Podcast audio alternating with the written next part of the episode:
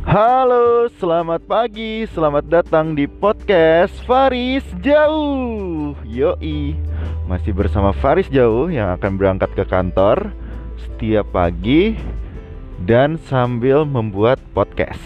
Yoi.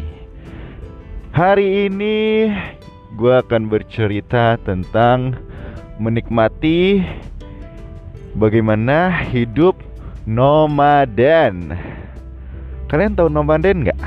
Asik.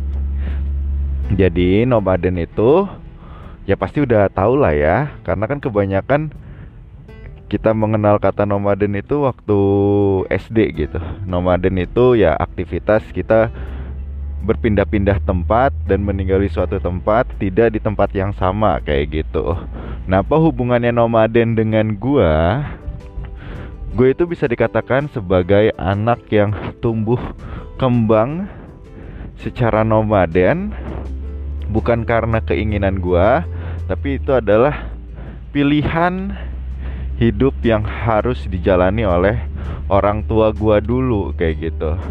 Ya gua kan waktu kecil belum bisa memutuskan sesuatu gitu. Nah kok bisa nomaden?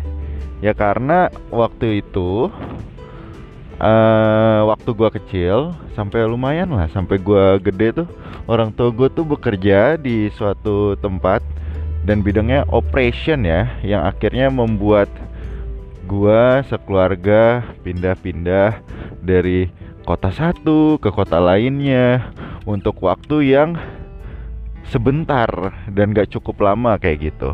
Mungkin kalau orang lain gitu ya uh, ada yang besar dan kecil. Kecil dan besar dong jangan besar ke kecil. Nanti kayak Benjamin Button. Kecil ke besar itu di satu tempat. Jadi dia itu waktu kecil sampai besar teman-temannya tuh di situ ngumpul kenal sama siapa pun kayak gitu kan. Nah kalau gue enggak. Jadi gue misalnya TK di sini SD di sini masih SD harus pindah lagi ke gini kayak gitu. Dan gue yakin banyak juga orang-orang yang sama seperti gue gitu. Jadi hidupnya nomaden karena harus mengikuti uh, tinggal bersama orang tuanya yang di mana orang tuanya dituntut untuk pindah dari satu tempat ke tempat lain. Baik itu pindah pekerjaan atau dalam satu pekerjaan sama tapi dia kena mutasi atau rotasi itu kan memungkinkan sekali kayak gitu. Ataupun pengusaha juga bisa mengalami hal seperti itu. Lalu di manakah gua tinggal selama nomaden? Gue tuh aslinya tuh ini warga Bandung, orang Sunda, asyik. orang Sunda, tapi dari kecil gue tuh tinggal di Bandung, nggak tahu ya. Kayak nggak lama habis gue lahir terus gue pindah ke Pekanbaru nih. Itu di Sumatera ya, guys terus habis itu gue sempat pindah ke Jakarta. Dan dari Jakarta gue udah di Bintaro gitu.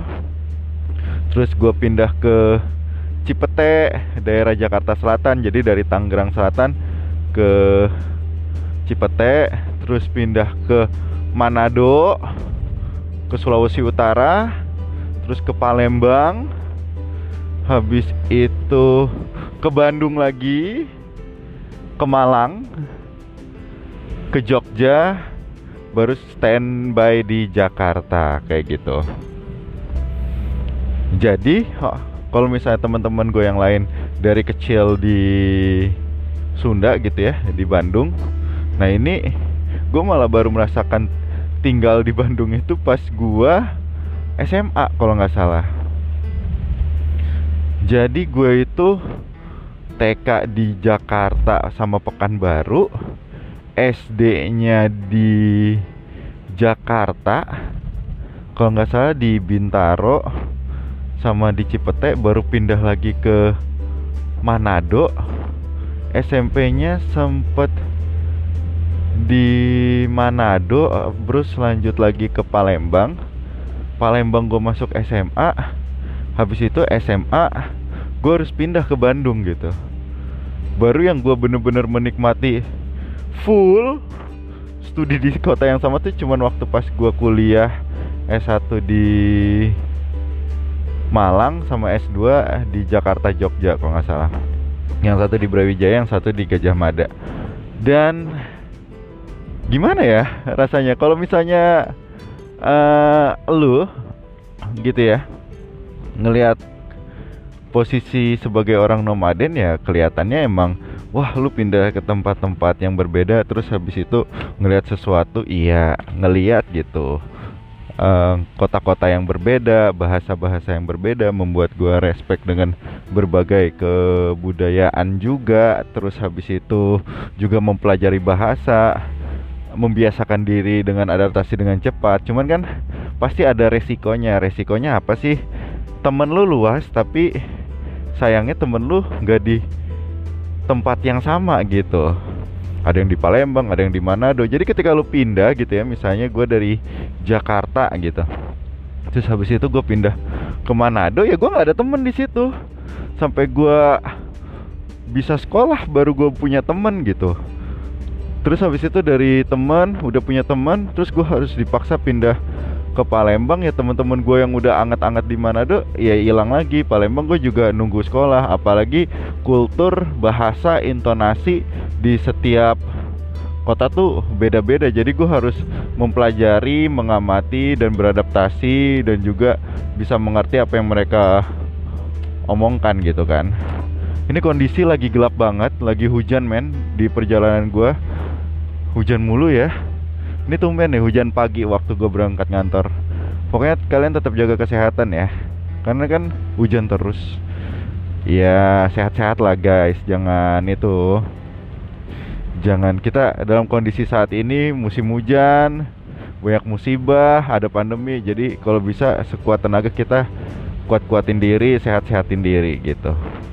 Lanjut lagi kita ngebahas uh, kondisi waktu pas gue pindah-pindah Nah, gue misalnya pindah dari Manado Palembang berbeda dong bahasa Manado. Terus habis itu yang satu di Palembang ya bahasa Palembang beda lagi. Gue harus mempelajari lagi kayak gitu. Logat gue juga bercampur sana sini bercampur sana sini kayak gitu. Terus habis itu lu udah angkat-angkatnya di Palembang lo harus dipaksa pindah ke Bandung yang di mana Palembang misalnya suaranya keras di Manado cara ngomongnya lebih Melayu cepat gitu kan. Palembang intonasinya suara keras karena Sumatera gitu. Terus ke Sunda dengan orang yang halus gitu. Ya beda lagi gitu. Terus dari pindah-pindah ini juga kadang ya gak gampang langsung adaptasi karena kayak apa ya ada kultur shock juga karena lu bahasanya beda terus bagaimana menanggapi orang beda ada yang boleh ada yang nggak boleh kayak gitu kan. Terus habis itu uh, belum mencari temennya bingung segala macam. Apalagi kalau misalnya gue sering banget pindah dalam kondisi tanggung gitu. Misalnya lu kelas 1 terus gue harus pindah di kelas 2 nya atau enggak lu kelas 3 SD gue harus pindah di kelas 4 nya nah itu kan kondisi tanggung ya. Hal kayak gitu bikin gue rancu atau bikin gua terganggu waktu pas SMA kalau nggak salah. Jadi pas SMA lu udah mulai gede udah mau ke umur 17 tahun lu udah ngerti kondisi segala macam pengamatannya kayak gimana lu udah mulai punya pilihan dan penentuan hidup gue mau ini gue mau itu gue mau ini gue mau itu dan apalagi masih remaja saat itu ya ketika gua SMA pindah ke Bandung ya Bandung emang orangnya kan ya semua tempat welcome gitu. Cuman ya gue di situ ngerasa ada titik lelah.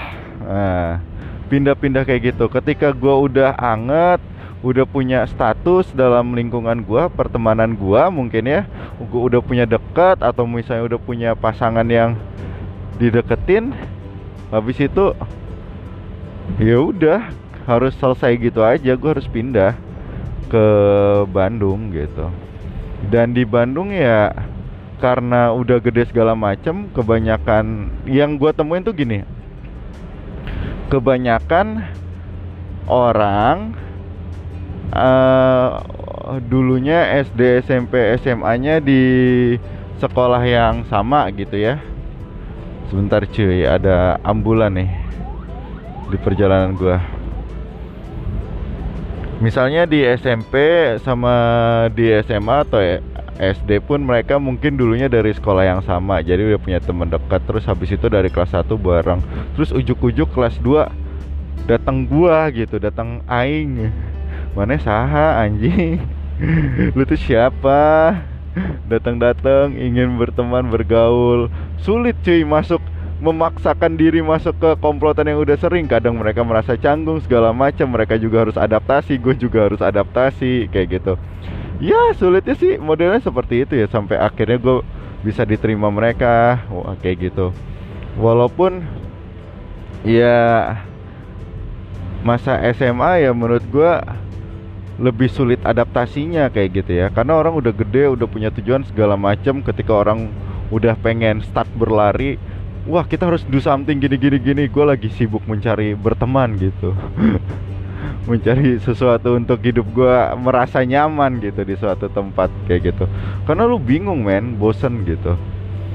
Uh, apa ya kalau misalnya lu pindah terus nggak langsung sekolah gak ada aktivitas ya lu ngebingung juga mau main sama siapa segala macam. Sedangkan dulu mungkin sosial media belum ada mungkin masih zamannya blog MySpace, internet juga masih ya jarang-jarang diterima kayak gitu.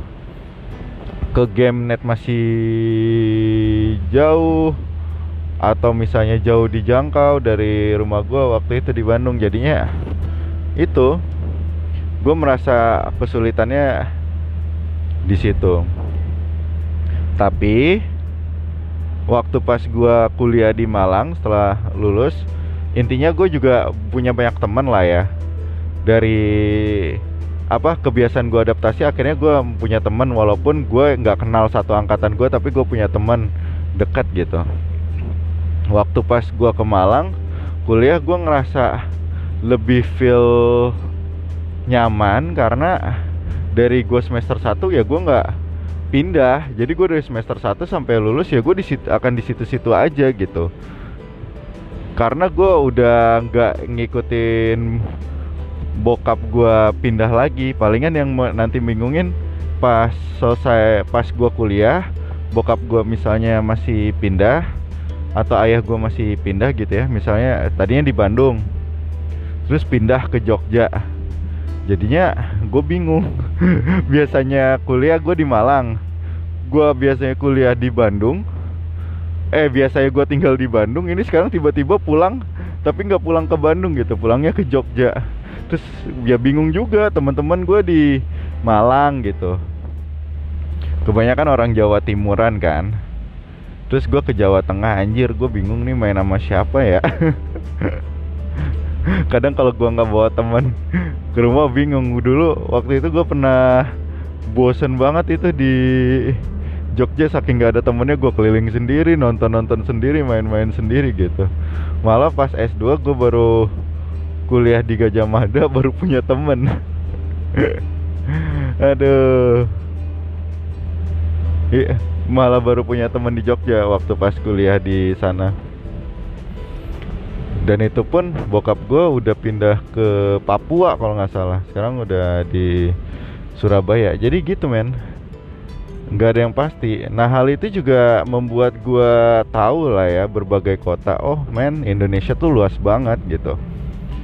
Kadang ada yang apa misalnya kota di Indonesia tuh kan banyak gitu. Gue di Manado, di Manado dengan pertemuan di sana mayoritas ya mungkin nonis dan juga Islamnya berbaur. Jadi gue menemukan kebiasaan itu ya kebiasaan open house di setiap lebaran baik Natalan. Jadi ketika Natal gue yang muslim pun akan open house akan menyapa mereka mereka akan silaturahmi. Ketika ketika Natalan kita juga akan melakukan yang sama. Di sana pun gue ngerasa uh, di Manado gue ngerasa setiap kondangan di situ gue ngelihat oh ternyata kalau di Manado tuh kalau misalnya kita kondangan ada tulisannya tuh non nasional sama nasional. Artinya kalau non nasional makanan kayak model paniki babi segala macam disajikan di sana. Ya kayak ke Medan lah. Terus habis itu pindah ke Palembang. Uh, kalau nggak salah mayoritas muslim cuman emang orang Sumatera kan intonasinya suaranya keras ya. Jadinya gue kayak ngerasa dimarahin aja. Itu kan beda. Lu dari pantai ke gunung gitu. Sedangkan di Manado yang paling lucu pernah gue rasain adalah dulu waktu pas gue sekolah biasanya kalau ada teman-teman yang non Islam itu yang keluar dari kelas untuk pindah kelas dan gabung sama teman-teman gitu kan. Tapi kalau di Manado nggak malah yang Islam yang keluar gitu. Karena mungkin waktu itu di sekolah gue nggak mayoritas ya jadi teman-teman gue yang di sekolah bahkan gue nemuin temen gue ada yang belajarnya agamanya Konghucu kalau nggak salah satu orang atau dua orang gitu Ya di situ gue ngeliat, oh ini perbedaan orang, perbedaan agama segala macam.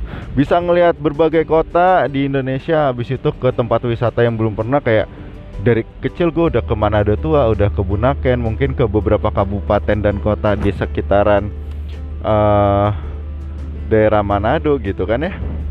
Terus habis itu gue pindah uh, ke Palembang.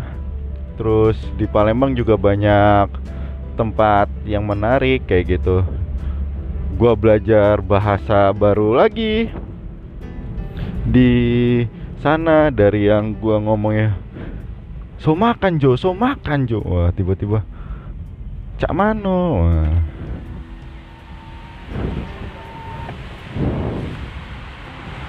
Bahasa daerahnya jadi beda. Dari torang semua bersaudara. Asik. Terus tiba-tiba cak mano nian ini lemak nian nah, kayak gitu kan. Ke Palembang terus suaranya keras-keras segala macam. Dan ada waktu satu titik gue pindah ke Bandung gitu ya. Terus pas di Bandung orangnya kan halus. Rek kena rek ke mana kang? Hmm, kayak gitu kan kumaha damang? Gitu kan. Enawan sih ya? Kasarnya pun kedengarannya halus gitu. Eh pas gue pindah gue kayak dikatain suara gue terlalu keras lah terlalu marah kayak gitu segala macam. Cuman waktu pas gue pindah ke Bandung gue masih bolak balik ke Jakarta Bandung karena orang tua gue masih ada yang tinggal di Jakarta jadinya bahasa gue itu gue menetapkan untuk menggunakan bahasa Indonesia. Walaupun di setiap gue ke SMA ke Bandung ya gue pakai bahasa Sunda lah ngomong sama teman-teman. Nah nanying ya? Kayak gitu. Nah itu terjadi juga waktu pas gue ke Malang Jawa Timuran gitu kan. Dulu tuh di Malang di Brawijaya di tahun gue tuh nggak banyak main anak Jakarta. Apalagi gue lulusan Bandung. Gue orang Bandung dikit seangkatan mungkin seangkatan Brawijaya gitu ya segitu banyak fakultas. Dulu pernah bikin komunitas Bandung tuh 15 apa 30 gitu ya. Kalau Jakarta mungkin tiap fakultas zaman gue adalah misalnya gue fakultas ekonomi ada tiga jurusan adalah sampai 50 50 mah itu mah udah banyak. Ya 5% sampai 10 persennya adalah anak Jakarta gitu kan ya terus habis itu itu juga bikin ngefek men. Misalnya waktu pas kita ngurus-ngurus administrasi terus mau ospek mau mulai sekolah atau mulai sekolah lagi mulai kuliah ya itu ada ada apa ya kayak ada perasaan yang berbeda ketika gua ngomong Indonesia dengan fasih gitu kan terus habis itu kadang ketemu temen Bandung gua ngomong Sunda ketemu orang Jakarta gua ngomong Jakarta ngomong gue lu gue lu gue lu jadi Malang tahun 2009 2010 tuh itu masih hal tabu gitu. Lu bisa orang ngeliat ngomong gua lu tuh di sinetron men. Nggak di nggak di mana? Nggak di lingkungan nyata gitu. Kebanyakan orang Madiun terus mungkin Wonogiri, Wonosobo, Tuban, Kediri, Trenggalek Banyuwangi. Itu kan datang ke situ. Orang Kalimantan Timur juga ada. Jadinya kan gue ngomongnya gua lu gua lu kayak gitu. Kalau misalnya ketemu teman Jakarta itu dianggap ih lu songong banget lu ngomong gua lu. Gua lu padahal ya bagi gua ngomong gua lu gua lu tuh biasa anjir di tempat gua pernah kayak banyak yang nggak suka atau ngelihatnya kayak gimana gitu. Padahal gue ngomong gue lu tuh nggak kayak yang gue pengen makan bro. Enggak ya gue ngomong eh gue makan dulu ya. Iya lu udah belum ini? Kayak gitu yang nggak kayak harus ditekenin gua lu nya gitu. Akhirnya kan mereka jadi kayak risih. Ya gue juga bingung. Mereka ngomong dulu tuh gue ngelihat orang medok ngomong gitu ya. Ya opo masih kimas karopo masih? Kayak gitu. Ya gue juga masih aneh gitu di telinga gue dan masih belajar bahasa Jawa Timuran nih kayak gimana sih? Apalagi Malangan Malangan apa Malang kan ada bahasa walikan yang gue harus juga pelajarin gitu kan. Pagi pak. Mari. Adalah bahasa walikan yang harus gue pelajarin jadinya. Ya bikin gue ini ya gue harus beradaptasi juga gitu walaupun gue udah gede gitu. Nah enaknya waktu pas kuliah memang gak gak ruang lingkupnya nggak sekecil sekolah lah. Kalau sekolah kan emang kebanyakan orang asli situ jadi maksud gue yang pindahan gue kalau misalnya di kuliah kan campur men nasional gitu loh. Mau masuk kuliah aja lewat ujian SNMPTN jadi enaknya gue masih bisa ketemu orang bisa akrab sama orang yang misalnya eh lu dari mana? Oh gue dari Bandung. Oh ya sini sini sini sini. Lu dari mana? Dari Jakarta. Ya udah sini sini sini. Jadinya gak merasa asing gitu. Punya teman-teman yang se-home base gitu. Dan apalagi mulai dari awal kan mereka juga cari teman-teman baru kan. Nah di situ mungkin yang gua ngerasa beda. Cuman ya adaptasi ya perlu.